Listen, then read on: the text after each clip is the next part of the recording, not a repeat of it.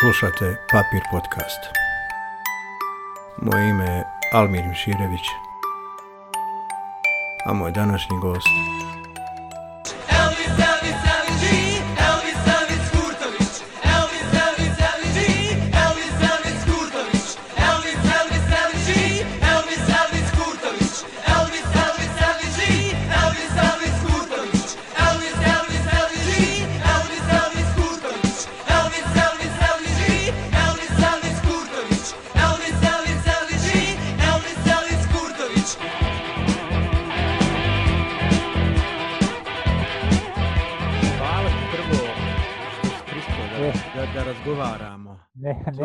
čemu.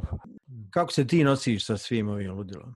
Neki da. dan smo mi nešto na poslu, da radi, radim na radiju Sarajevo. Mislim, da. ja sam već pred penziju stariji, ali ovaj mla, ovi mlađi, oni to prate. Kako se zove, bila je priča o podcastu, jedan kolega je rekao kako ovaj najčuveniji TV Votir, Howard Stern, da. kako je on od svih ovih satelita, ne znam šta je zadnjih godina sve radi, da, da je on sad prešao na podcast. Znači da ga njegovi obožavatelji mogu slušati kad god hoće koje god vrijeme. Znači, to je nešto što je, kako se zove, što, eto, za mene i za tebe je novo, a što vidiš ovi koji su vrhunski u svom, u svom poslu, kao što je Havard Štern, koji ste, znači, taj pot, pot... Pa, pa jako ih je puno. Ja sad, kako sam odskoro počeo istraživati jel, šta, je, šta je podkazano, onda sam počeo otkrivati ljude koji se bave, koji su, koji su u ovoj formi i mogu ti reći iznenadio se kako dobrih pametnih stvari sam našao. Znaš ti si... ja nekad, nekada reći. slušam da ima svoj po podcast? Onaj jedan lik koji se pojavljuje stalno u onim emisijama na rubu znanosti kod onoga kreše. A Domagoj Nikolić, oni lik koji tako...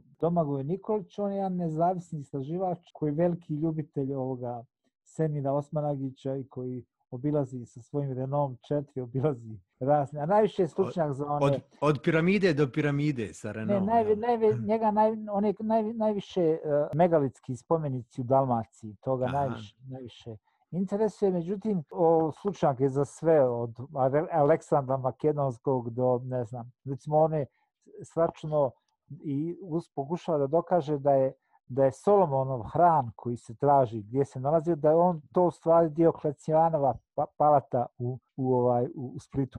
Tako da on ima interesantne podcaste gdje dovodi razne ljude iz raznih zanimanja, fizičare, ne znam, ekonomiste mm. i pričaju potpuno slobodno za razliku recimo drugih medija gdje moraš strogo da paziš. Kod njega e, podcast je... traje po sat, dva sata.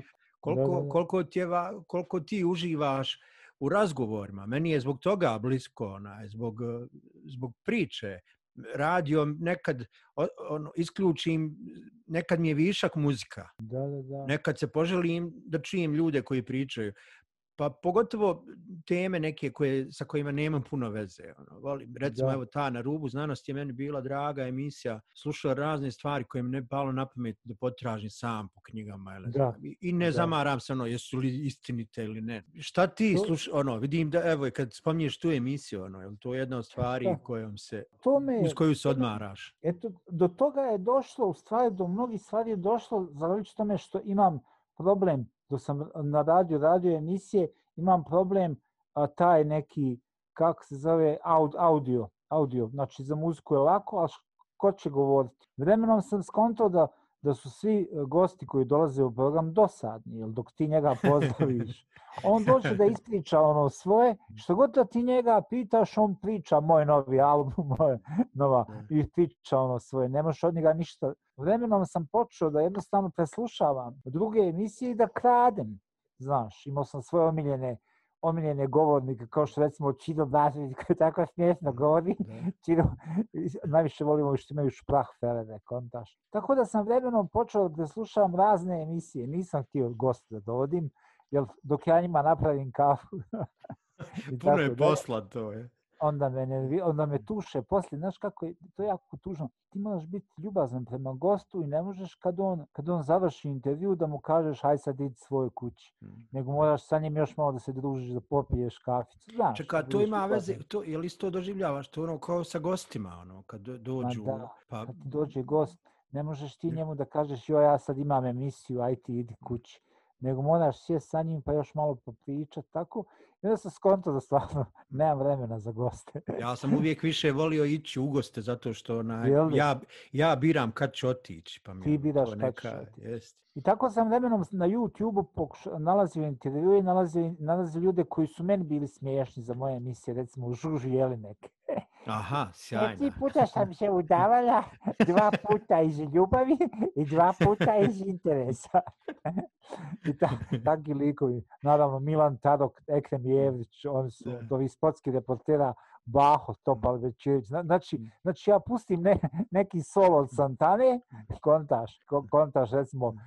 oje komo ovaj, mm, recimo samba, pa ti ide, ide Santana solida, a ubacim Marijana Mihajlovića koji viče umjesto povređenog Martinsa u, u, u igru ulazi Santana. I onda Tako, vremenom sam, znači, tako smio se i tražio interesantno. Međutim, ti moraš prešati sate i sate nekog materijala da bi našao ne, nešto interesantno. Koji su tvoji, tvoji omljeni ovi podcasteri? Šta ti, iz kojeg oblasti ti? Pa evo, sad je trenutno ima momak kojeg presluka ako nisam dugo, jel, u tome, onda preslušavam unazad sve što je on pravio, Galeb se zove, Znači, Negde sam čitao ovom nekom youtuberu u Sarajeva koji zarađuje za život, ovo je posao jedini, ima svoj kanal o papagajima. Mi nekad ne vidimo ove koji su nam blizu, a ne koji rade. Mi. To sam, to sam danas razmišljao. Znači, ti si isto gitarista i kako se zove i pratiš muziku, nisi ono neki. Da, da.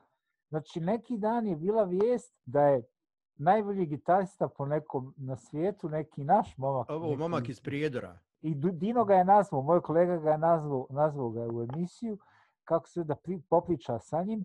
Ja nešto razmišljam, znači ja se bavim kao, kao pratim to, ja za čovjeka nikad nisam čuo. Da. Znači mi, nas četvorica koji radimo na radiju, a s tim da je Emily Heavy Met, možda je Emily čuo za njega, ali ja i Dino nismo. Znači ti isto, jel da nisi čuo nisam, za njega? Nisam, ja sam kad se pojavila ta vijest. Znači, Ma... i poslije se vidi da je čovjek profesor na fakultetu, predaje nešto u mm. Banja Luci, gitarista je živio vani, iz, ne znam, sad živi u Predoru, nije bitno i to. To samo govori koliko je u stvari, mi veze nemamo. Ali interesantno je to što se meni čini da, da su krive vrijednosti, krive vrijednosti dolaze do izražaja. Zato volim ove podcastere kao što je ovaj Domagoj Nikolić, koji otkriva neke podatke koje recimo, znaš, recimo, mi smo čuli za, za onoga Meksikanca koji tvrdi da je Troja. Da, da, ovaj, ovaj. dole. Međutim, to je stvarno, jer na, naši predci se zovu Iliri, a Iliada i, i Troja se zove Ili. Znači, imaš Odiseja i mhm. Iliada. Kontra. Znači, sami reč Iliri u svojem, u svom ima ime za Troju. Mhm. Kontaš. I tako nešto. Što ja pokušavam nekako, pokušavam sve ove priče koje su, a, a sve vuče porijeklo, naravno, jer svi obožavatelji Semira Osmenagića, koji opet, ja kad kažem da ja njega znam sto godina, da je on stariji od mene, da sam ja njemu bio ono, povjerenik za onu, kako se zove, za kulturu, znači, Aha. znači Semir Osmanak bi ušao u moj razred, on je bio recimo treći, ja sam bio drugi, i prozvao bi mene i dao bi mi neke karte za kino koje bi ja dijelio dalje za... Čekaj, znači, koja je to, gdje, koja je škola? Druga gdje gimnazija, znači... Znam tu je Semir, znači isto, stop, znam da si ti u drugu, zato me zvuni, ja sam negdje... On je starija generacija od mene, i sa, ja došao prvi put na piramide tamo na visoku, imao s nekim guzanjama, političarima, kaj mi ja sjećam se ti mene i on se ne sjeća, pa kaže ima, pa ti si me primio u partiju, ti si me primio u partiju. A kaže, on može biti, može biti. A ovi se smisliju, ovi političari, ovi iz ovih vladajućih stranaka koji nikad nisu nadamo bili u partiji, lažu. Sad više kažem, vjeruju u piramide nego u partiju. I sad, sad jedu u piramide kao, kao lukrativno. I meni je to vrlo interesantno da takvi alternativci kao što je taj Krešo iz te mm. emisije na rubu znanosti, Aj, koji je opet svirao sa, sa trakom je svirao mojim u grupi Fantomi. E, znači, e to hoću da kažem, Krešo je muzičar. Da oni svirao u grupi sa trakom, našim bubnjarim, i kako se zove i, i onda se pojavljuju neki fizičari i neki ljudi koji istražuju to, to Tesla i dolazimo do nekih interesantnih opažanja koje ja primjećujem da svi ovi naši prijatelji, naši ljudi koji su goli i bosi otišli negdje da žive vani, da su svi veoma pametni i uspješni i da mi nismo glupi zato što smo, nismo neuspješni zato što smo glupi, nego što se nalazimo na teškom terenu, na vrlo opasnom terenu gdje razni zavojevači dolaze i pokoravaju nas. Ali vidiš zanimljivi stvari, eto, gdje nađeš i gdje ne očekuješ šta ti se pojaviti. Ta, sad kad spominjam na rubu znanosti, vrtim u glavi šta sam sve tamo čuo, kojih priča, koje su meni iskreno dok sam ih slušao, više je koristila ono, kod, umjesto tableta za smirenje. Jedno vrijeme sam ga, znam, termin, ono, jed, stari termin koji imao, pa smo onda promijenili. A da li si ti na, naišao u, u svom životu na ljude koji su naučili preko foruma uh, neke stvari, da su, da su forme na internetu njima bili, bili za pa, učenje. Pa, pa ima ih puno, ali uglavnom su učili budalašne, ove koje sam ja viđao, uglavnom su koristili ove stvari kojim sad služe političari. Meni je to recimo bilo zanimljivo. Jedno je kad te nađeš se u grupi sa sto ljudi pa te neko iznervira, kaže nešto što, s čim se ne slažeš. Ali kad sam odeš, u grupu sa, za koju znaš da, da, da te ničim ne privlači i odeš tamo da bi se svađao, je to je meni zanim, ono, za, za proučavanje. A kad se, se, kad se tek pojavili kompjuteri i internet, forum... Da, da, se, naravno. Negdje, negdje, mi smo snimali ovaj album Filđan Viška u Holandiji, bio onaj producent ovaj Denike, Denis Mujačić Denike, on je tad, tad radio sa Pips Chips videoklips i on je bio, eto, mla, recimo da je nama bilo 30, on je bio možda godinu dvije mlađi od nas ja ga pitam kako si ti naučio, jer ja vidim da on savršeno zna. Kad smo došli u taj studiju mm. u Holandiji, on zna produkciju, on dobro zvuči, sve zna, zna se. Kaže najviše preko foruma, raznih foruma, I tu je neki najbolji slučaj. Niko ti neće u muzičkoj industriji, nikad neće pokazati kako ćeš postaviti Pre. mikrofone da snimiš bubanj i to se. I, I kako se zove, ima neki ne, neviđeni slučnjak koji odgovara na pitanje i uvijek se pojavi neko ko postavi neko glupo pitanje tipa uh, koji mikrofon za 100 maraka Ma, za vokal je najbolji. On odmah ga odjeve kaže, nemoj majke ti da tušiš, više da ovdje ljudi imaju, pa nema ja vremena za takva pitanja. Nema, I upoznao sam još jednog momka koji se bavi animacijom nešto, crtane filmove, pitan ga gdje si to naučio, kaže on preko ruski foruma, na ruskom, on ne zna ne. ruski, nego preko Google Translate, prevodi sa ruski foruma naučio. Ti možeš tačno, tačno da odabereš kako ćeš da filtriraš onaj koji su plaćenici, koji plaćeno Naravno. botovi koji pišu i možda dobiješ pravu informaciju šta se stvarno desilo. Konta. Ako statistički izbaciš negativne i pozitivne komentare i vidit ćeš ako imaš živaca da čitaš, vidit ćeš da neko stvarno zna ko, šta se stvarno, šta se stvarno desilo. Meni je zanimljivo recimo ovo kako ti i na radiju i ovo što, mislim, ljudi znaju vjerovatno, na radiju Sarajevu si ti, tamo si glavni urednik, je li tako? Još uvijek, ja sam, ja sam već pred pretenziju, ali, ali, Ali u svakom slučaju to je jedan radio ko, ko, koji formacijski ima, ima sve. Međutim, malo ljudi radi tu. Nije to mm. ko nekada što je bio radio Sarajevo, onaj socijalistički. Ne, naravno, nego ja govorim zbog ovog dijela kojem imaš svoju kolumnu. Jel? Pa je A to, kolum, to... Kol, kolumnu, kako se zove, emisiju, emisiju, ali uglavnom su mlađi ljudi već preuzeli, tako da ja sam već pred penziju. A, ali hoću, hoću da kažem da, da je ovaj... Da, da, da, kada sam se tek pojavio tu, onda sam morao morao da se ponašam kao ono što sam u životu studirao, inženjer, inženjerski se, kako se inženjerski postaviti, kako uraditi projekat.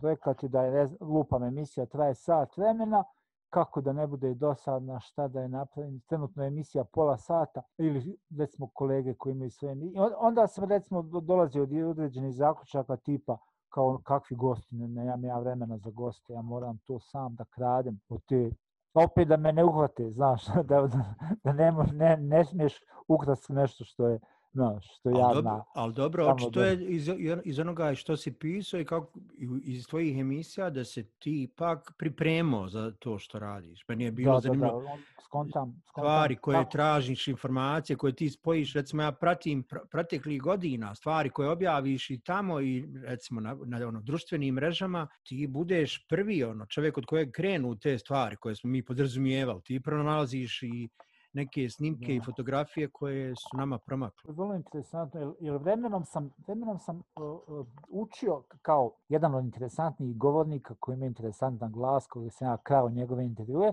to je Rade Šedeđa koji ima ono, znaš, baš da, da. glas. I tada je meni Kosta Spajić, moj profesor, rekao, ti ćeš da budeš asistent, odnosno bit ćeš profesor senskog govora. Ja sam rekao, profesor, ja, šta ja znam o tome? kaže on, naučit ćeš, naučit ćeš. I Platon je rekao, učitelji treba da se uče.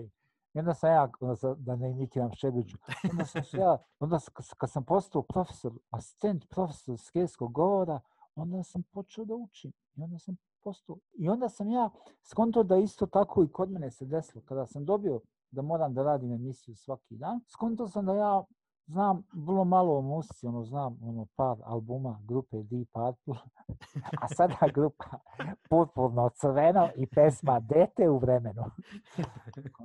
Znam, znam par pjesama o Deep Purple i to je sve. I onda sam počeo da, da, da pravim emisije u kojima ću reći, reći nešto o pjesmi Angie, kako se zove grupe The Rolling Stones, ko je Angie, šta je netočno o njoj, šta je... I na kraju jedan od zaključaka da je... Angela Merkel imala Angie kao svoju kampanju, pjesmu svoje kampanje i to mi je ostalo, ta, to znanje kontaš meni meni ostalo i kad naletim na nešto interesantno kao što sam neki dan objavio onaj riff da. Seven Nation Army od grupe White Stripe da je to kako se zove od Brucknera peta simfonija povežem to sa drugim riffom Deep Purple Smoke on the Water koji je unazad ocijena na Beethovenova pa, isto a, Ali ja mislim, zaista se ne znam, ja mislim da te stvari koje sad, ne znam koliko ima tekstova koje si objavio tamo na, na, na portalu, mislim da je, ako je količinski, a čini mi se da je dovoljna, da ne bi to bilo bez pameti objaviti nekad imat iz, da, da, isprintano. Da, da. da imat, jedan, ja sam razmišljao da se zove, recimo, knjiga da se zove radio Sarajevo i da počne priča. Kad sam počeo rad na radio Sarajevo, veze nisam imao u muziku. Mene je privlačilo to što nisam mogao biti siguran šta ti preferiraš od, od muzike. I meni je to uvijek bilo sjajno. Znaš, ono, Elvis, Prvo evo to, kao, to te nisam pitao na početku zbog ljudi koji nas slušaju. Na šta nalaziš danas i šta ti je, pri, ono, kako se ljudi obraća, obraćaju sa Elvise ili sa tvojim pravim imenom? ova familija, familija sa pravim imenom, ovi koji nisu familija, oni sa, sa umjetničkim imenom. A, ali, ali interesantno što kažeš ti, ni ja ne znam koji je moj muzički ukus, ja pojma nemam. Ono što primjećujem sad kad sam stariji, a to je da me nerviraju ovi sintetički instrumenti, da neću to da se. Da je vrlo malo ljudi koji su znali to, sjeća se kako je grozna bila produkcija, 80. godina, oni grozne ritama, koje su tad bile kao moderne. Stvari su imale jaku dinamiku, znaš, pa je bilo manje šuma, pa su svi volili ovaj, ritam mašinu mjesto pravog bubna. A kad slušaš, recimo, Tomas Dolby je i u to doba super koristio i nije neukusan. Njegovi, njegovi albumi se mogu i dan danas slušati, neko je pustio jednom u kolima neku super pjesmu, pitanja šta je ovo? Ovako zvuči jako interesantno, kaže Tomas Dolby, znači iz 80. godina zvuči kod njega nema one, pju, pju, pju, oni grozni, oni, oni sintetički zvukova. A pa reci mi, jesi ostao, i, i, u stvar, da li si u, i, uopšte bio toliko vezan za tu formu, ono, da, li ti je, da li su ti ploče bile? Ono, da, da, način, sam reći, koji... nije, donio sam sa posla jedan gramofon koji se više ne koristi i po, počeo sam ploče, međutim, i povezao sam ga na, na liniju, međutim, previše sam lijen da bi se mm. time bavio. Pločama. Ma, ti trebaš ustati. Mm treba, znaš. Te... Dobro, ja volim, ja sad počeo se vraćati tome, ono, imao, imao sam ko svi, jel, srednja škola, pa je bilo jedno vrijeme stajale ploče koje sam kupio tada i sad sa kćerkom poslije toliko godina počeo ponovo obnavljati kolekciju i sad uživam. Ono, shvatio sam koliko se dobro sjećam omota svih ploča koje, koje sam imao i koje, ono, koje sam volio. Znači, zapamtiš detalj, detalje, ne samo imena i to ko je sve radio na toj ploči, nego zapamtiš sliku, ono, neke sitnice koje više ne znaš gdje ih primjećivati. I recimo druga stvar koja mi je bila bitna, evo sad, je, sad to neko smatra manom. Ja dan danas, evo konkretan primjer, dan danas kad slušam uh, parni valjak i kad pjevaju, a rijetko se čuje ta pjesma Neda, kad sluš, pjevaju Nedu ja očekujem na istom mjestu da ono preskoči. Da pucketa. e, ne, ne samo pucke, nego Maja je preskakala na jednom mjestu. Da će ja, jest, ja, na, ja na tom mjestu očekujem kao ono dio pjesme. Iz, ali kod tebe mi je to bilo zanimljivo jer sam hajde ploče ove koje si radio sa, sa svojom rajom iz benda, iz bendova u kojem si bio, pa tu može čovjek prepoznavati jednu vrstu šta ste slušali zajedno, tonsa, keša, šta, šta, čega, kojih sve utjecaja tu ima. Ali meni je bilo zanimljivo prepoznavati da ti i to da ti ne kriješ neku vrstu simpatije, nema veze jel, da li uvijek to sa podsmijehom. Pa, ne, neki ljudi koji nisu iz rock and rolla nego neke, neke druge muzike koje su volio slušati. Ono, jel ima, ko, ko, evo ja da ne, recimo, meni je bilo zanimljivo, više se ne sjećam gdje sam te slušao, gdje si pričao o tome, ali tvoje, tvoje šale i tvoje razmišljanje o Ivi Robiću je meni bilo uvijek zanimljivo rad, kako, kako ti doživljavaš takve likove i tu muziku. Ma da, zato što e, ti kad, kad određene godine prevališ i onda skontaš da si bio glup u mnogim stvarima, da nisi, Ve, već smo lupam nama kao mlađim ljudima koji slušaju tu stranu, tu rock muziku i to naravno da su bili smiješni. Ljubka Dimitrovska, Ivo Rolić, ne znam, Zdravko Čolić kad počne da pleše, kad se razbaca. Međutim, u to doba nije bilo rock'n... Znači, ne možeš govoriti o čovjeku koji je... Koji, što, I kad počneš da proučavaš to da radiš na radiju i kad skontaš da je on napisao čovječe Strangers in the Night, da je to stvarno njegova pjesma, da je on stvarno pomogao Beatlesima da snime prvu ploču i onda dođeš do, do, do, do podatka da je prvi rock and roll na našim, na, našim radio stanicama, na našoj 56. godine kad se tek pojavio, znači jedan od prvih što se što kao, kao shake, rattle and roll, da je to kako zove jedan od prvih ako ne prvi ono rock and roll da se prizna da je, a da je Ivo Dobić među gomilom stranih pjesama koje je snimao sa svojim bendom snimio i Shake Rattle and Roll znači Ivo Dobić koji nije volio rock muziku koji je smatrao da je to kako zove previše agresivno je u stvari snimio prvi rock'n'roll.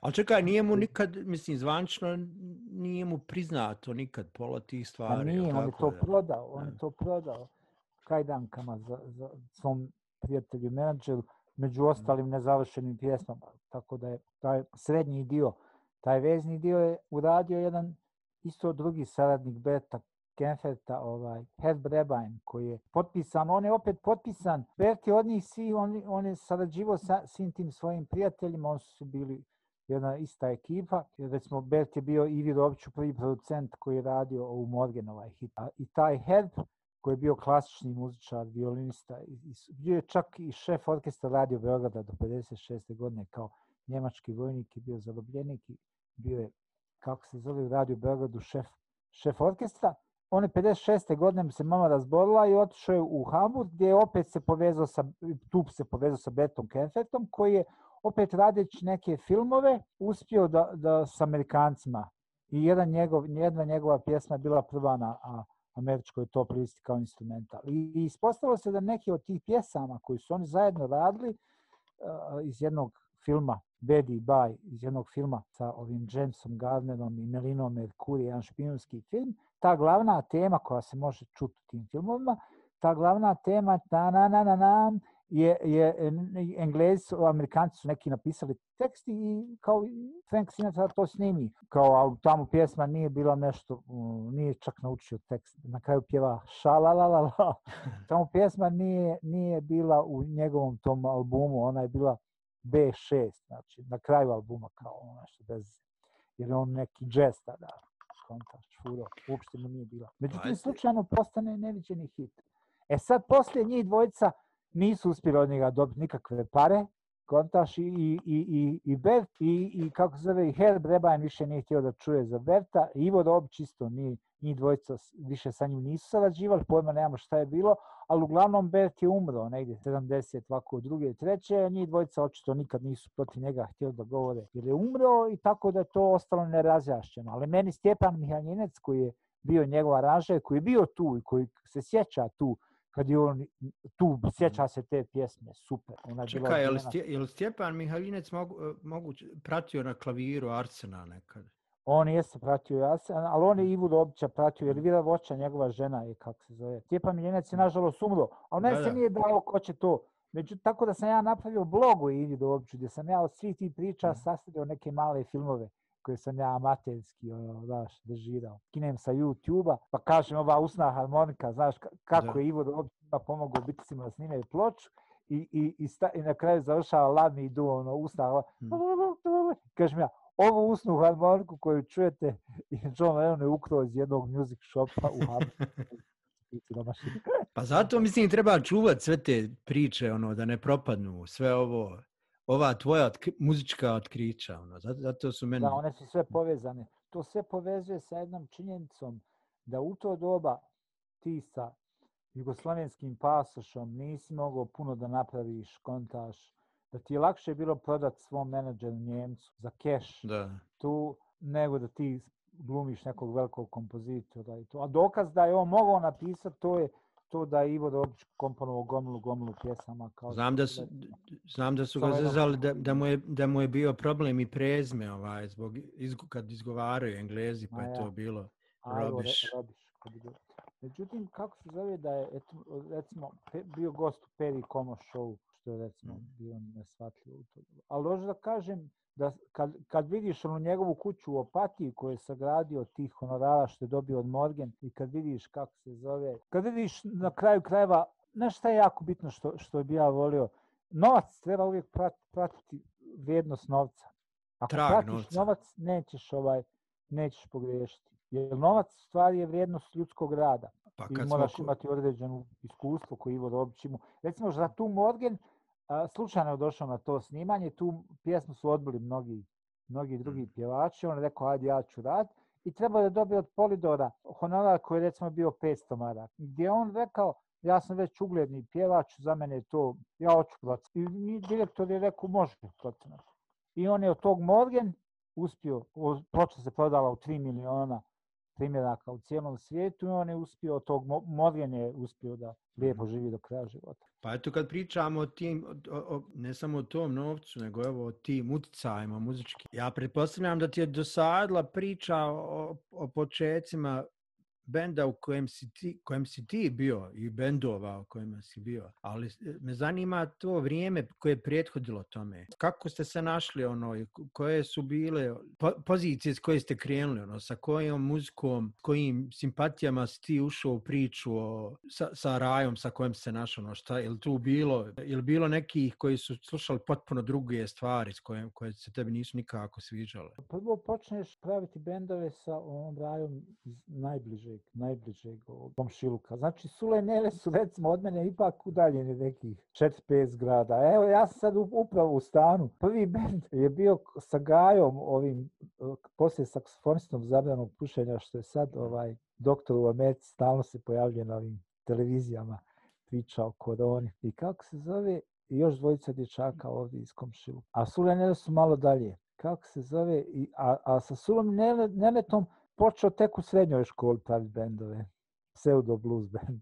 A je li, mislim, je li, je li i, i kod vas onda važilo to da se počinje prvo najmanje pričajući o muzici, nego ono, skupi se raja koja je raja inače, druži se. Inače pa raja, najbliži, oni koji najbliži. A muzički potpuno različiti, a to je to. A vremenom smo počeli iste ploče da slušamo i to i u, u nižim razredima srednje, e, onda počneš sve manje da subotom, nedljom igraš lopte sa rajom, a sve više da, da, da svira. Kako za vešti lopta postaje malo, ono, kako bi rekao, dosadna.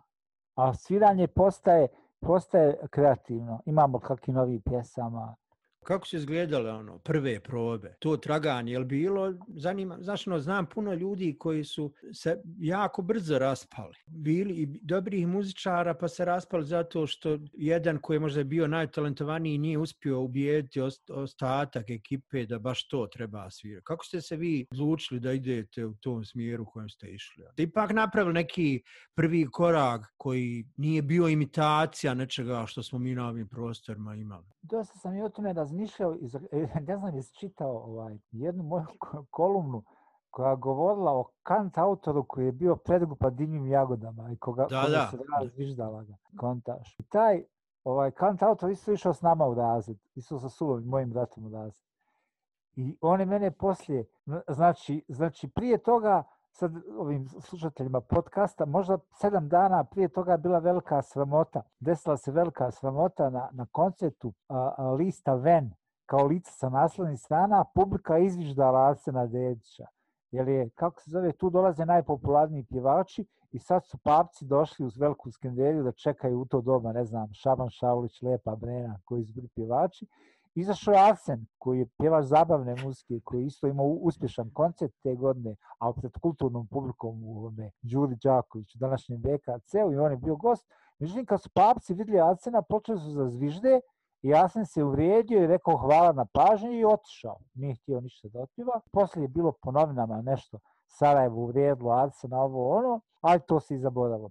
Nije prošlo možda mjesec dana tog kant autora, kako se zove, stave da, da bude Cedupa heavy metal grupi Divlje jagode, kontaš. I ovi papci heavy metalci kad su vidjeli ovoga sa kućnom gitarom, počeše da mu zvižde. I on pjeva, pjeva neće da stane kad je završio prvu pjesmu, kao, to je bila moja prva pjesma, a sad moja druga pjesma, raz, zvižde, zvižde, on viče ko vas jebe, nisam vam ja Azen Dedić. Ja sam njega sreo tog čovjeka koji između ostalog nije bitno, ali poznat je.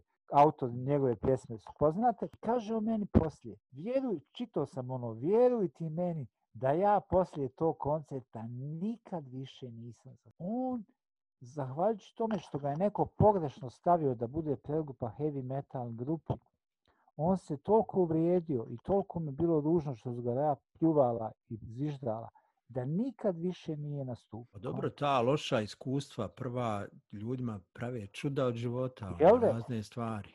Ne, ne govorim samo o muzici. Jele, Zna, mi smo nek... imali tu sreću da, da, da kako se da su prve nastupe, prve nastupe uopšte nismo ni videli. Jer Sula i ja smo bili u vojsi kada su Nele i Zenc, Gaja i Muče, kad su oni pošli da nastupaju kao zabavno pušenje mhm. i kako zove, i dobiješ pismo u vojsci kao mi predgrupa, ne znam, bili laboratoriji, sad ćemo biti predgrupa bijelo dugo. Čekaj, prvo mi reci gdje si bio u vojsci? Bio sam u Kninu, mhm. prvi šest mjeseci u Kninu, poslije u Trebinu. Tako da sam na... na Istorijska mjesto bilo zelo. Nastradao sam, nastradao ja. sam u Kninu. Ali, ali hoću, hoću da ti kažem da je to vrlo, vrlo interesantno zato što, što kad smo se vratili, to sam isto pisao, kad sam, kada, u jednoj od kolom, da. kada smo se vratili, oni su već a oni sad trebaju da idu u vojsku. I bio je jedan koncert gdje su oni šišali Zenit, imao dugu plavu kosu, šišaju ga pred odlazak u vojsku i bila je neki veliki, velika manifestacija, nešto mlado sutjeske, uglavnom glavne zvijezde su bile bijelo dugme, a prije toga su bile ove male grupice. Sarajevo. I ja i Sula smo sjeli, kako se zove, gledali smo koncert zabrano pušenje je bilo ono prije Ljubiše Racića kad su ove male grupe oko 5-6 sati su bile međutim vaša pjesma koju smo mi prije nego što vas u vojsku smislili, a, a oni su je snimili, penzionere na more idu zimi je uspjela da možda trećina skendere je već bila puna sala kad je pušenje svidalo, ne, skoro puna, da trećina ljudi dignu ruke gore kao na rock koncertu. I tad sam prvi put skontrao da moja pjesma, eto imao sam završio, završio sam vojni rok, imao sam puni 19 godina, a da pjesma koju sam možda napisao kad sam imao 17, 18, kako se zove, da može da, da, da se dopada ljudima i to mi je jako dalo. E to, ožda da kažem, to prvi uspjesi su nam dali snagu da, da idemo dalje. Prije toga sam i gledao, a, a, bilo su predgupa i dolima u domu mladih i znaš ono kad predgupa mm. nema ljudi puno, a međutim uspjeh je bio. Dobili su aplauz i ono znaš, vidilo se da i publika zna. Ali ovo u Skenderiji, Boga mi je bilo ono da su ljudi digli ruke gore. Iste, pa to me se vide ozbiljni muzičari. Ja sam recimo svoju kratku muzičku karijeru, ja sam smatru uspjehom kad su ono moj demo snimak Jaran koji radi u nekom kafiću kod arhitekture, pustio u kafani ono, dok, dok sjede ljudi. I meni je uspjeh bio što niko nije odreagovao na to. Znaš, no, niko nije rekao gasi baš što je to. Tako Jel, da je to, to je bilo onako is, iskorak u javnosti. A to je posebna tema. A vidiš, to je posebna tema. To sada kada proučavam recimo neki dan sam čitao, ne baš nedavno sam čitao neku knjigu o, o, o tom vejcu, pa da je njega neko stavio da on samo kao klavijaturista, kant autor, da bude predgrupa Frank Zappa and the Mothers of Invention. Da su njega rada toliko pljuvala, vrijeđala i sva što mu govorila, da je on tu ojačao, u stvari on tu iz onih mali neki kafića gdje je svirao, izletio na punu binu gdje ljudi mu svašta dobacuju vičim šta će. Ali dobro, jel vjeruješ da ima to i do, mislim, neću sad govoriti o iskustvu, vježbanju, ne znam, talentu, ali ono, go, i da godine naprave svoje. Kad spominješ Tom Vejca, znaš, ono, trebaju proći neke godine pa da Tom Vejc ima glas koji mi prepoznajemo. Treba tu puno duhana i alkohola pa da to postane o, ovo što volimo. Znaš, kodec smo nije bio uspješan. Oliver Dragović, on je dugo bio neuspješan Pa dobro, evo ja, moja sjećanja isto, to je bilo, dobro,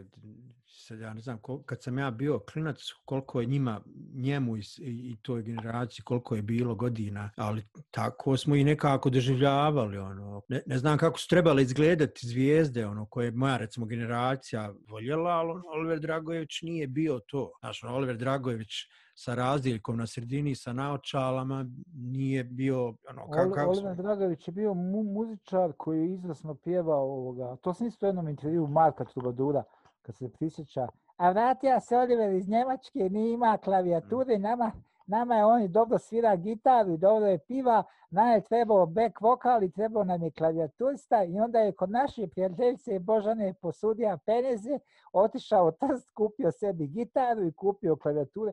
Znači, svirao dvije godine sa dubrovačkim trubadurima. Imao jedan nastup na Splitskom festivalu gdje nije kao solista prošao, da bi tek negdje sa 27-28 godina imao ovaj hit, ono, ono splitski čači mi kopakadana kontaž. Ali to, recimo, to mi je bilo zanimljivo. Kako ste se vi međusobno, ta raja koju evo, svi sad nekako, meni je lijepa stvar što vas sve spaju, kod ko je uvijek riječ o jednom bendu. Mhm. neka, ako znaš, vremenom prestala ta granca između Elvisa, Meteora, zabranjenog pušenja, kao sve ista, ista raja. Meni je čak neka, znaš, no, treba mi trenutak da odvojim te dvije, dvije, dvije ekipe. Ali mi je bilo zanimljivo sa razmišljati, kao ko, koga ti smatraš, ko je tamo bio, ko je ostao, naj, najbolji muzičar? Što se tiče pokojni Dražan Vičel Zio, on imao nižu muzičku, ali on je bio najbolji muzičar od nas. Dobi su, naravno, bile mu, mu, muče, Gaja isto imaju neke, neke naobrazbe. Ali on je, kako se zove, bio naj, najtalentovaniji za skinut neku stvar novu koja se pojavi i za komponovanje, i za, za tekst, i za sve. On je bio najkompletniji. Od njega su ostali uč, učili da svire. Ali kako se zove, ali kao šef Raje, kao pokretač svega je Sula, ovaj, Seo Sexton. Mm -hmm. On je taj koji u stvari osniva, koji... On je recimo taj koji je nagovorio nad različite da krene, krenu na turneju. I oni nisu skontali kako bi unovčili svoje, svoju popularnost. Onda on rekao, hajde, skupit ćemo malo rock muzike, pa skečeva, malo Đuro sa svojim bendom, malo Nebe sa svojim bendom, idemo svi na turneju. Jer oni ne, ne bi se, ne bi se da nije on. I ovo sad što smo počeli raditi ove koje kakve kečeve i ove albume, to je on sve. Zato što je on ima tu želju. Za... A koliko je to raj pomogao, kad, sad vjerojatno mladi ljudi koji nas slušaju ne znaju za, za primusi i za početke na radiju. A to je koliko, najvažnija stvar. Koliko je tu, mislim, ima Boro Kontić koji je vjerovatno... Boro Kontić najveće... je najvažnija stvar u cijelom ovome, kako mm. se zove, cijelom ovome. Da je neko drugi bio na, na njegovom mjestu, to nikad ne je prošao, on bi rekao, to ne može i to. Boro Kontić je najvažnija stvar.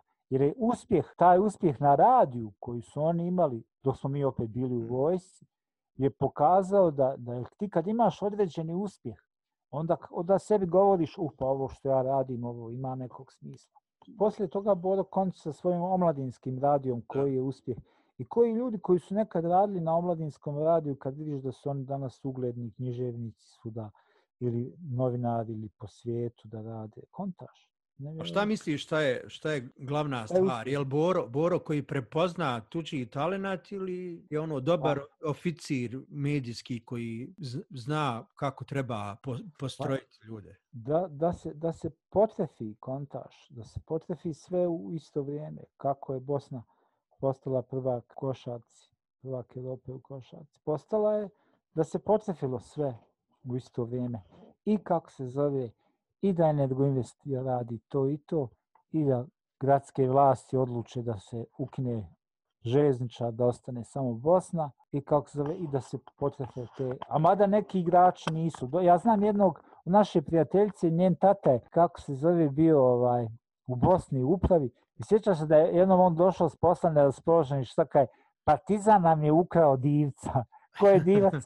Kaže, jedan košarkaš mladi, bit će od njega kako su nam ga ukrali, za, za, ma za minut su nam ga ukrali. Da, to je, neko je prepoznavao talente kad je trebalo. Da, mogo je. Dražen Petrović ovdje služio vojsku i ovdje je trenirao i malo je falilo da pređe u Bosnu. Malo je falilo. A, ali vidiš, to dobro, to sam ti joj spomenuti. Ti, ti se paralelno u ovome što radiš na radiju i o čemu pišeš, jasno je da koliko si zaljubljen u muziku, tako da pratiš i sport. Meni, da, meni, da, sport. A to govorim jer je meni to potpuno strano, da, o sportu. Sport i muzika.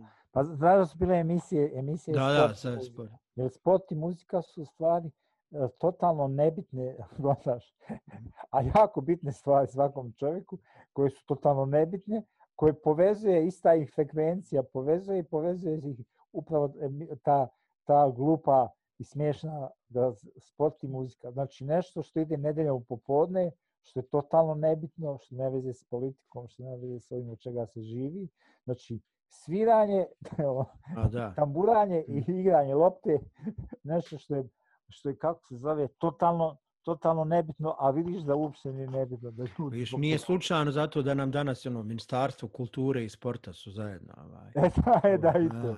Kako vi kulturni radnici ovaj, preživljate ovu koronu? Pozorišta skoro nikako, jer mislim da je glumcima najteže, jer njihov posao je bukvalno kontakt i blizina ljudi, bez toga nema ništa. Međutim, niko mudar još nije pronašao način, znači ja mislim ne treba se žaliti, nego pronalaziti no, novi način kako, kako se baviti pozorištem. Nama koji pišemo je jednostavnije. Men, ja sam zamijenio, malo stavio po strani pozorište pa se bavim prozom, evo, podcastom, pričam, ne znam, radim na akademiji. Evo kad već to spomniješ, kako ti doživljava, recimo ja sam neki dan uhodio se pričam sa kćerkom koja je tineđerica koja sad ima 16 godina i jako ko sva njena generacija, svi mi pati za ono propušteni već vremenom. Kao jedna od stvari je kao sanjam koncert na, koji, na svirku koju ću ono, otići.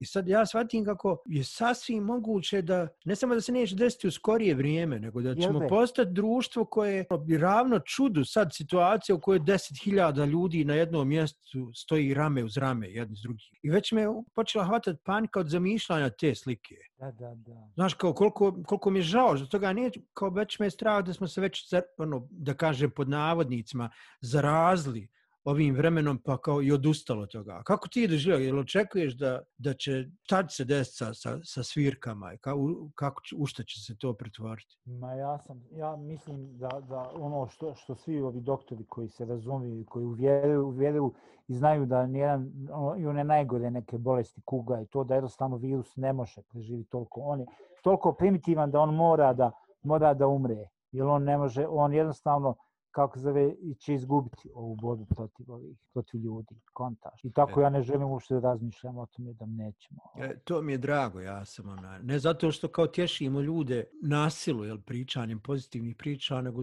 zaista verujem, ja isto mislim da... Ma da, virus je svaki virus izgubio od ljudi, Co, pa će ovaj izgubiti. To je sigurno. Znaš, ono, ljudi sad, recimo, vra...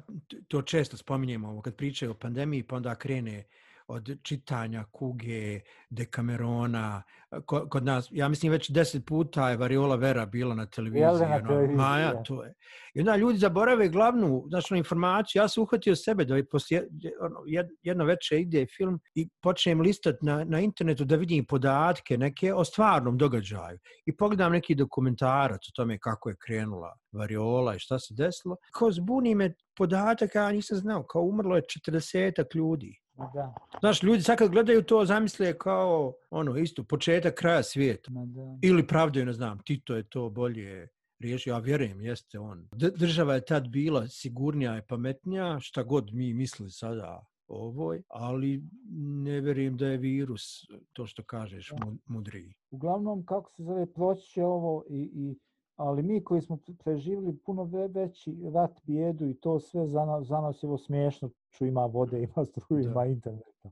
Pa mislim, ono, stvarno. Ali evo, kad, kad, je, kad spominjemo korona, to je ljudima uz sam strah od bolesti, jedna od glavnih tema, to su zatvaranje granica i putovanja. No, koliko, koliko si putovao ti? Koliko ti pa putovanja mi, bila važna? Moš misli. Znači, ljudi koji, koji, koji ode jednom dva, dva godišnje negdje.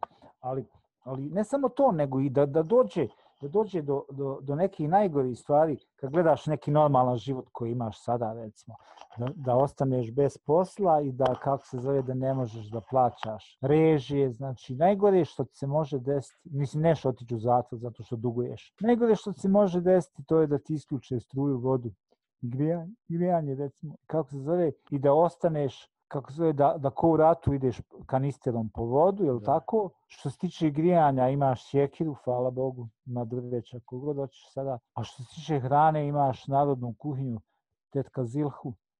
Znači, ti živiš puno bolje nego u ratu. A ljudi neće to, oni hoće kako zove da imaju, ne znam, da je moguće ove. I nema mobilizacija, to je. To nema je mobilizacija, ne ideš ne. u rov da kako se mm. zove, i, i, i da pogineš u nekim akcijama kako se zove, I, i to, ali to je nevjerovatno koliko su ljudi razmaženi danas. Evo i to sad veze sa onim što si ti sa Rajom radio sjajno i u ratu. Vi ste radili, ovo, bavili se i humorom on, u, u to doba.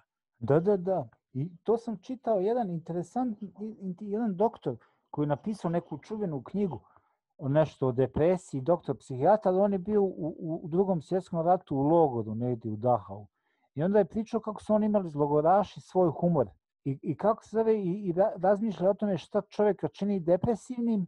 I onda je rekao, to prošao je logor, to sve, i kako se zove, i sve. Čuveni doktor, psihijatar, imao gomlu pacijenata. I kaže, izgleda da je to uh, uh, kad čovjek ne vidi smisao svog života njegov život nema smisla, onda on postaje malodušan i postaje depresivan i ide u te psihičke probleme. Znači mi moramo imati smisao našeg života je, sad lupam, u ovom, u ovom vremenu da preživimo ovo, ili ovo će sigurno proći, jer nikad virus nije pobjedio, ni mm. jedan nije pobjedio ljude, pa neće ni ovaj,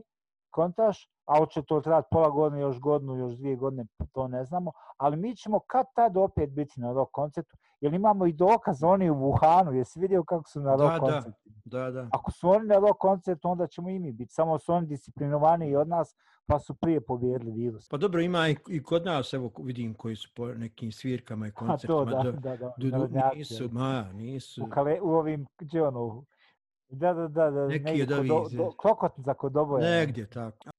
Znaš šta će još pomoć, možda ako ovo neko bude slušao? Znači, bio sam, juče moj komšija se je vratio iz bolnice od COVID-a, jedva živ ostao. U jednom momentu je bilo ni tamo ni vamo. Dali su mu neki antibiotik koji je, koji je promijenili su mu neki antibiotik i preživio je. Jedva, jedva ostao živ. I kaže mi da je u bolnici izvrsno. Bio je u ovoj opštoj bolnici. Kaže da su tako dobri, profesionalni, opremljeni uređaj. I eto, hoću da kažem da mi imamo dobar zdravstveni sistem, imamo dobre doktore, kontaž. Nije to na nivou Houstona, nije u Sarajevu centar za srce kao u Houstonu, ali kako se zove je dobro. Imamo iz... Znači, primit ćete doktor specijalista. Ja sam imao zdravstveni problema i imam i danas, I mogu da kažem da, da nije tako grozno kao što ljudi misle ili što se piše. I to je, to je sve, i to su sve, sve neke stvari. Ali, ali ono, čaša je polu puna ili mm. polu prazna, a ne mislim kraj života, do kraja života da se sjebavam i da samo gledam crno.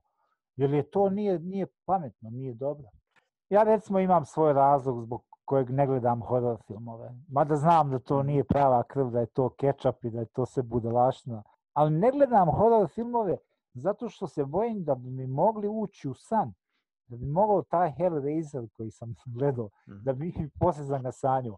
Ne želim da on meni uđe u san, konta. Zato ne gledam horror filmove, a nešto se bojim. Da pa gledaš, kako biraš filmove, serije, knjige? Pa presto sam zadnjih godina, zadnjih možda 20-30 godina nisam gledao filmove, jer su mi predugači. Ali međutim sad kad se može na kavlovskoj zaustaviti, pa pogledam pola sata pa nastavim. Skontao sam recimo Woody Allen da ima fenomenalnih mm. filmova koji su tako dobri kad i popola, pola sata gledaš pa sutra nastaviš. Gledaš ti filmove.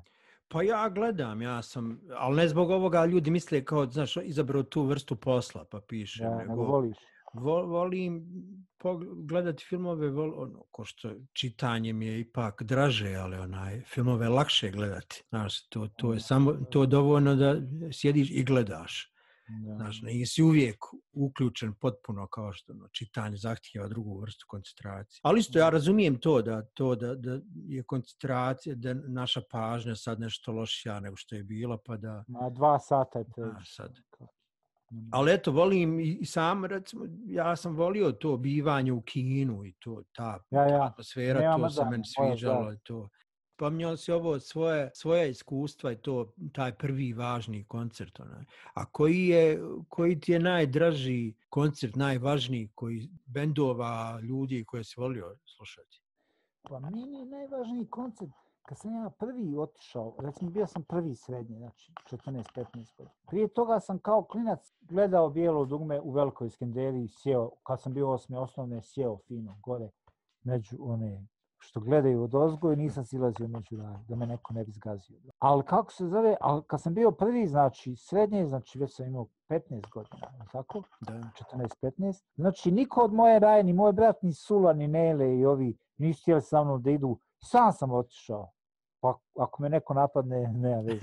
Sam sam otišao u Dom mladi na koncert grupe Time, znači nikoga nisam mhm. poznavao od raje, niko, jednostavno sam došao sam, niko od poznatih možda je na nekog slučajno letio nekog poznatog pa da ga pozovem i to mi je prvi put da sam bio baš na pravom koncertu da nije bilo ono dom, da je bio dom mladi da je bio, nije bila velika skandinavija i to mi je jako jako drag koncert grupa time sam se davno to opće rekao još jeste zadim ili ne trebate toliko da pušite ostavite kad ne valja to ne valja to a posebno ne valja za djevojke kad djevojke puše a jesi uspio nekog od ovih bitnih velikih stranaca aj kad slušate Pa, e, tu ono mi je sada do naj, najdražih koncert sto, Stonesa na, na hipodromu Zagu. Ima čak pjesma od pušenja sa Čičkom na Stonese. To sam napisao mm -hmm. tu mhm. pjesmu. Sam napisao odušenjen tim koncertom Stonesa. Znači, koji su kao stariji ljudi totalno oduševili svojom mladošću i svojom zajebancijom. I ono, super. Pa gledao sam, naravno, i do, dopao mi se i James Brown, dopao mi se i Plant, Planty Page i B.B. King. To je sve super. Zizi Top. Santana me oduševio. On, on je tad već, to je prije nego što će opet postati popularan. Tad je bio malo ono već zaboravljen. Gdje si, na kojem koncu, gdje si ga slušao? To? Santana u, u, u, u, do, u, u, domu spotova mm -hmm. u mhm. Zagrebu. U Zagrebu, to je. Oh. Tako, 90, prije super nacional albuma, kad nije bio toliko mhm. popularan, on je bio... A reci mi, ga, kad, kad si na koncertu, ono, koliko se uključi u tebi to neko ko se bavi muzikom, ko piše, vrti da, su tome... Da, gledam to kao profesionalac ili da, kao... a mislim, čisto ono, koliko ti, ono, je li ti inspirativno? Ili se potpuno opustiš i samo si ono, čovjek na koncertu? A nekad se potpuno opustim, a nekad gledam opremu, gledam, gledam kontaž, gledam roadie, gledam Znaš, ma smiješno je to, kako se zove. Jedno, jedno, e, e da je, koncert jako bio posjećen, koncert El, Elton Johna u slabo posjećen. Viš, Aha, ovaj, u Sarajevski misliš. Da, da uvijek kad govore kako Sarajevo propalo, kako Igi pop otkazan zbog mm. papci ne slušaju. Ali i tada bilo to, i kao skupa karta. Ja mm. sećam za Elton Johna je bila karta ko sad recimo 30 maraka. Ne možeš mm. reći da je bila preskup. Nije bilo ljudi puno. I kad dođeš tako na koncert, ne vidiš, pa vidim, e, Goran Bregović i Dženana, njegova tadašnja cura. I Brega i Dženana, ja sa njima stanem da malo gledam koncert. Međutim, kako su, a stanem, Boga mi ne u prvi red, ali možda ovako u treći, četvrti red. Međutim, kako smo mi tu među rajom, tako mene klinici pitao, e, jel se možemo se slika, nije u to dobro, može autogram u to dobro. Ja šta ću, kajem ja, bježim, kako se zove, jer sad mm. bregu niko ne dira, jer on već stari čovjek, ja sam, njemu, meni možda 22, mm. 23, njemu ne smo 32, 33. On sa djevojkom, njegov papci ne prilaze, nego mene je tuše. Ja kažem ja, Odo ja na tribine, ne mogu obožavati ne A ovo poslije, poslije rata i poslije, koliko pratiš šta se dešava, ovo kako sada zovemo, u regiji, je li ima nešto što ti je zanimljivo muzički? Pa, pa kako se ja sam stavić, stavić čovjek koji ne može, ne može da, da ufati ove nove. Ali recimo neki po tekstovima i po, po kako se zove, po svojoj originalnosti, ovaj, kako se zove, ovaj, a, a, grupa dječaci, ovaj, iz, iz Splita, kako se zove, ovaj, smiješni, kako se zove. TBF. Ne, ne, ne, nego ovaj, kako se zove, DJ, ovaj, kako se zove, na ovaj, ju jesam, viš kako sam ostavio. On je recimo odličan, ono, kako se. Onda ova pjesma od grupe Silente, ono, tebi Aha, znam, vete, ona nije loša. Onda, ali od, od, da kažemo, poslije rata, sve što je se, se recimo dobro desilo, vrlo neko, samo nekoliko pjesama koje su recimo, ono, se pojavile, ne znam, Buđav Hlebac, ne znam, ovaj, kako se, možda Edo Majka nekog kod. Ali kako mm. zove, da, da se pojavila neka grupa tipa bijelo dugme i to, mm, šta ti misliš? E, meni recimo iz, iz Srbije neko ko, i to nije potpuno pitanje ukusa, znaš, kao to, ne znam, jel, znaš, no, da, da se desilo prije 10-15 godina, možda ne bi ni obratio pažnju, sad mi, je, sad mi se učinilo jako blisko. To je čovjek, kad sam ga čuo u prvi put u, u emisiji kod ovog Kesića, to je kralj Čačka. Da, da, slušao sam e, ja. A meni, nije loš. Ali nije loš, ali ništa posebno, nije nešto. Da. Pa ne, meni je leglo, ali to kažem, vjerovatno ima veze s godinama. Muska, to, ma, kao. kao nešto kao Tom Waits koga smo već pomijenili. Yes. I to, da. verim ja da njemu, znaš, no, već počelo smetati upravo to. Stalno su ga poredili kao očite yes, taj yes. i Tom Waits i neki... Vojko V, ova Vojko V se zove ovaj. Što ga A je, Vojko V, ma da. Jo, yes. Kontaš. Meni je njegov jedan mm. najjači stihova kao Vojko nije plaka kad je umra, mm. umrla Bepina. A kontaš, koliko će mlađi ljudi uopšte skontati? Ko je, da, da na koga sve, mislim? Ko je Bepina? Pa, zašto dobro, nije plaku? Da on je toliko, on je toliko ljut i zajeban reper i toliko je, nema osjećaja bilka kad za sve, da čak nije plakao kad je umrla Kad sam radio intervju sa Vojom Šindolićem, Aha. kojeg isto, eto, ljudi, mladi ljudi naravno ne znaju, ono, ne znaju, čovjek ne. koji je jedna od prvih stvari, mislim, pr prevodilac, pisac i čovjek koji je uh, radio u džuboksu. Ma da. E, meni je, sad, to, to mi je bilo zanimljivo, to vrijeme u kojem je postojao časopis koji se bavio muzikom, postojali ljudi koji su pisali muzičke kritike, ono. Da, da, da. Šta je danas, da, to, ka, šta danas, ono, ima li, po, po, čime se popunjava ta rupa? Pojma nemam, A, kako se kao prvo vidiš i sam ti nećeš da nema nikakve, nikakve kritike i da nema nikakvih kriterija, kontaš. Da u naše dobe bi, kad bi nešto grozno izašlo, on bi bio popljuvan u jukebox, mi bi mm. se svi njemu smijali i on bi bio provaljen kod raje kao neko ko... A sad ti koji zaslužuju da budu popljuvani, da, da su totalni kreteni, da oni postaju veoma popularni i veoma, kako se zove, i o njima niko ništa ružno, ružno ne kaže.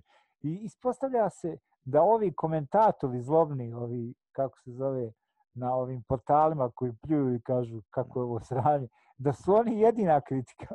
Ima je starijih generacija, to se bolje sjećaju od, od mene toga, ali meni recimo nedostaje to da smo mi u to doba, ali to je pitanje ono, opšteg, kultu, op, opšteg znanja bilo kao, nije znaš odvajali se nas par genijalaca pa mi se nešto super znali stvari o muzici, nego ja sam recimo išao u prvu gimnaziju i ja sjećam da kad sjedne nas deset, mi podjednako dob svaki od nas zna mi ono igra sedimo u čumezu igramo asocijacija ono uz kafu neko znaš da je bilo ono obavezno kao te neke budelašte je yeah, upravo mi smo znali ono drugi način i kao nabrojati sve, sve, sve, sve članove mm. grupe i sad ne samo naše nego Uh, znači nabraš od stranaca do ono, no, novih bendova koji se pojavili i to nam je bilo važno i znali smo gomilu ti neki imena, mi smo tad znali ta imena tih ljudi koji ono, muzički kritičar. Među nama, evo čak u generaciji mojoj se pojavio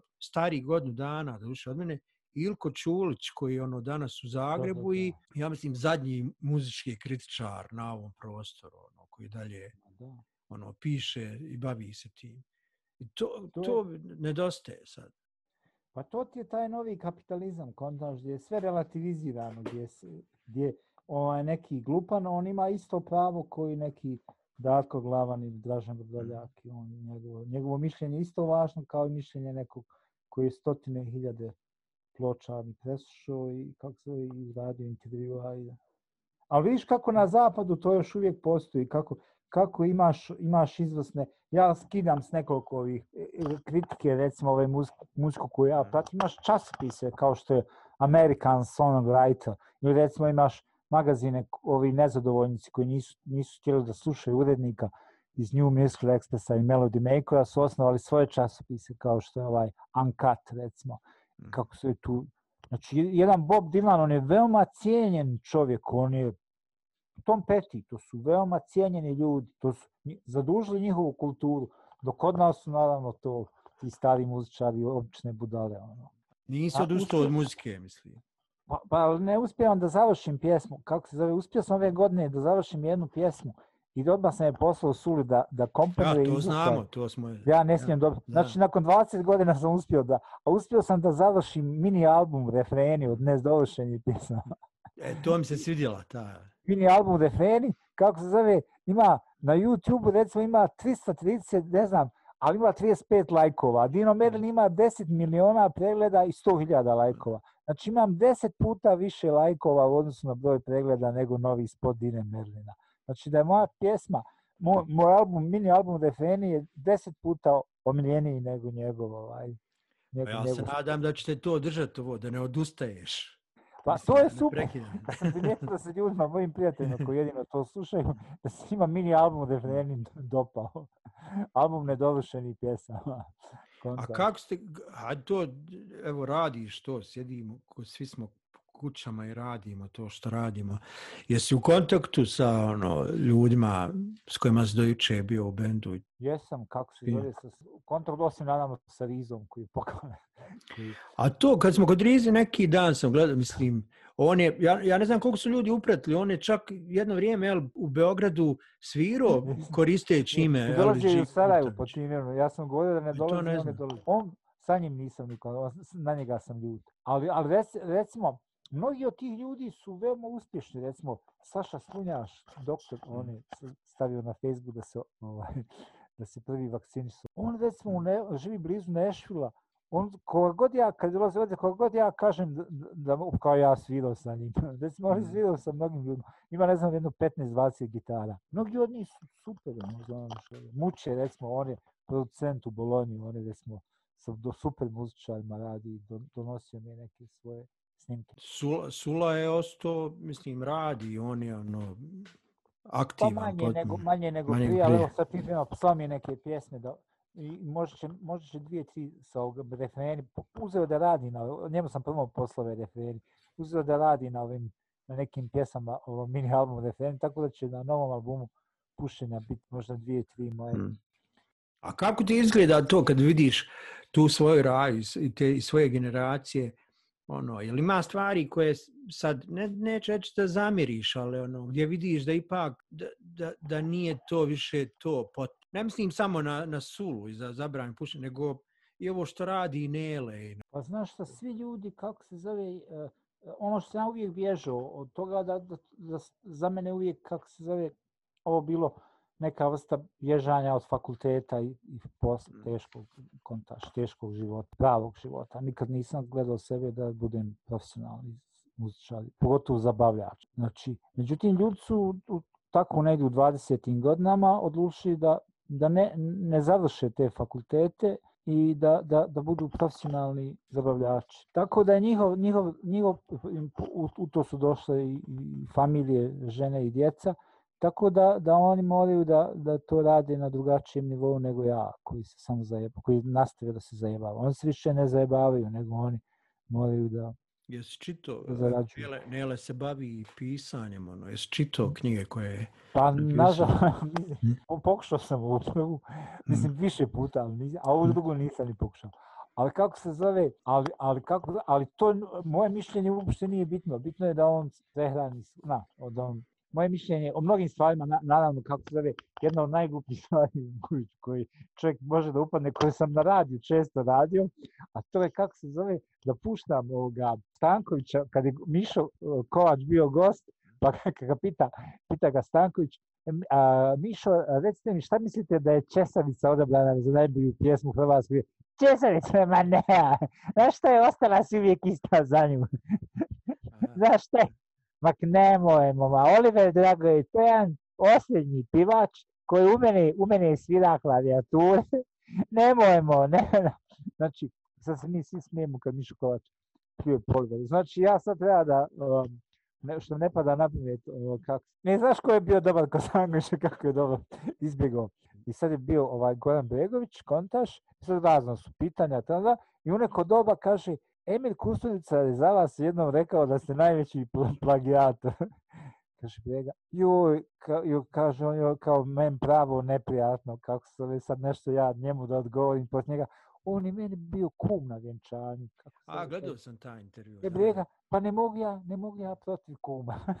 Već koliko ima, dvije decenije se priča uh, ono, o, o, o raskidu unutar zabranjenog pušenja i o pokušaju da ih se pomiri, da ih se, da se organizuje susret ko da je, ne znam, ko da je rat bio između članova zabranjenog pušenja i sad najvažnija stvar za kulturu ovog podneblja je da se Nele i Sula sretnu, mislim. Meni je to bilo višak, znaš, kao super važan trenutak u muzici, sjajna muzika se radila, ali ovo ostalo mi je. I red, kako, kako si ti doživio taj, sva ona priča oko Neletovog dolaska u, u Sarajevo, ne, no, ona noćna vožnja po Sarajevo. Ba da, ba da, ba, gleda, jedno od, od osnovnih, gdje sam se prvi, gdje sam se stvarno, stvarno ze, zeznuo jednom, kako se zove, je, je kad mi je jedan rekao, bit će neki čovjek iz Toronta, pa kako zove nešto, bi on, on da snimi, da snimi, kako se zove, snimi nešto tebe,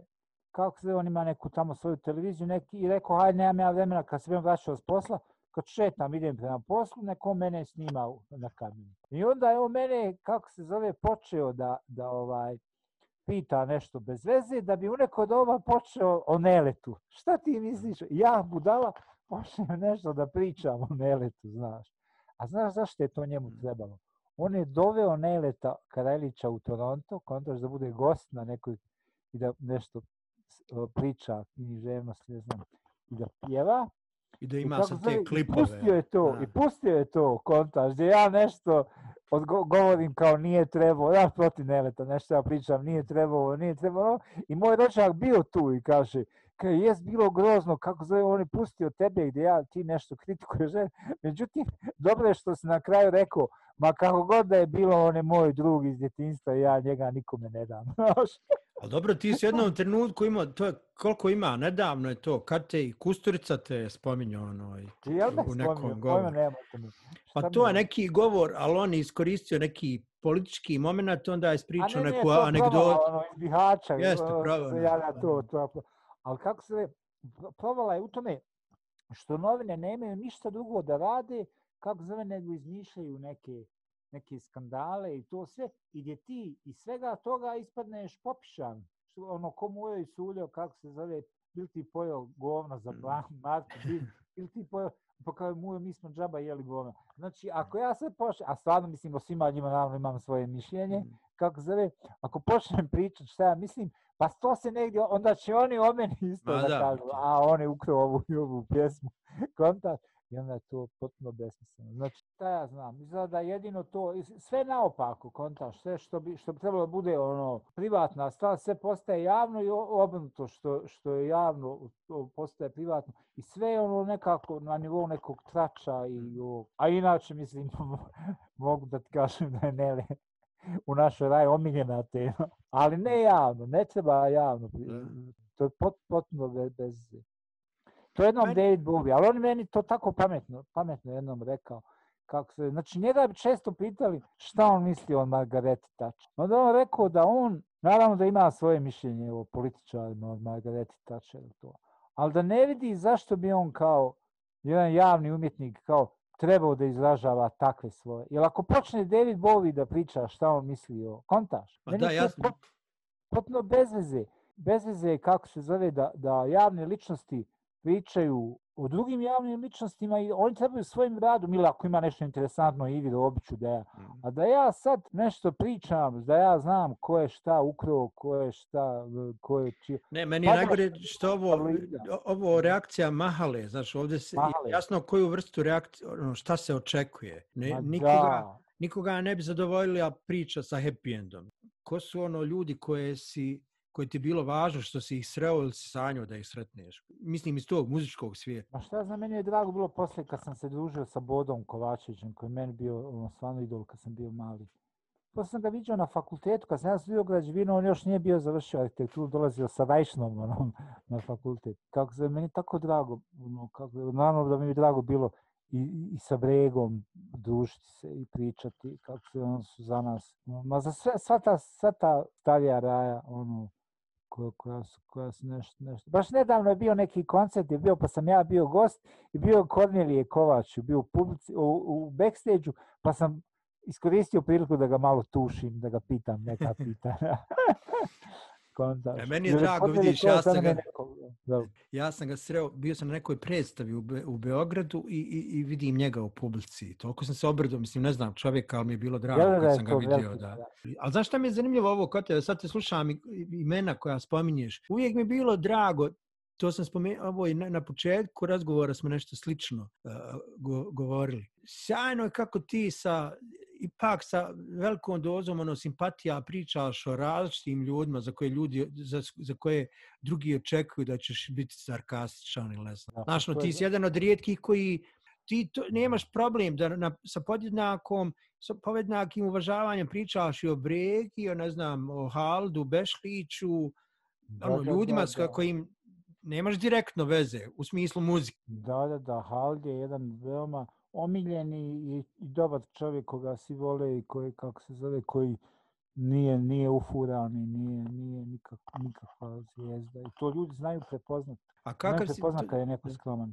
Sad se sjeti, ti si, da li to bio zadnji pokušaj da se radi nešto te vrste na televiziji prije, ne znam koliko to je, već skoro 20 Elvis godina. Elvis G. Kurtoj show, ja. Da, kad je Elvis G. Kurtoj show, skoro 20 godina, je li tako ima? Kad... Ja, kad je Halt pričao kako je radio studio, a, I to, i, i, i mislim, sjajni gosti, šta, ono, nije bilo moguće nastaviti takve ideje. Znaš pa zašto pa sam možda, sjetio? Ja sam gledao snimak a. i rekao, sjećam se ljudi koji su tada imali neke zamjerke. Sad bi ja, vjerujem i ti ljudi koji su imali zamjerke, bili sretni da imamo pa program pa ne, kakav ja, je. Ne, pa ne, ni ja ni moji saradnici nismo želili da, da, da nastavimo kad imaš ljude koji to ne podržavaju, kad imaš kontaš. Ako ti nešto radiš i trudiš se, pa nijedna... jedna nijedna, kako se zove, neće, nijedna lijepa djevojka, ne znam, besplatno da, da se skine gola i mora traži neku lovu. Znači, ako ti nemaš, nemaš svoj ovaj, radiš nešto, a, a niko onda neće. Zašto? Zato, zato i ljudi se tako ostavljaju. Ne, nećemo, radit ćemo nešto drugo. Uh,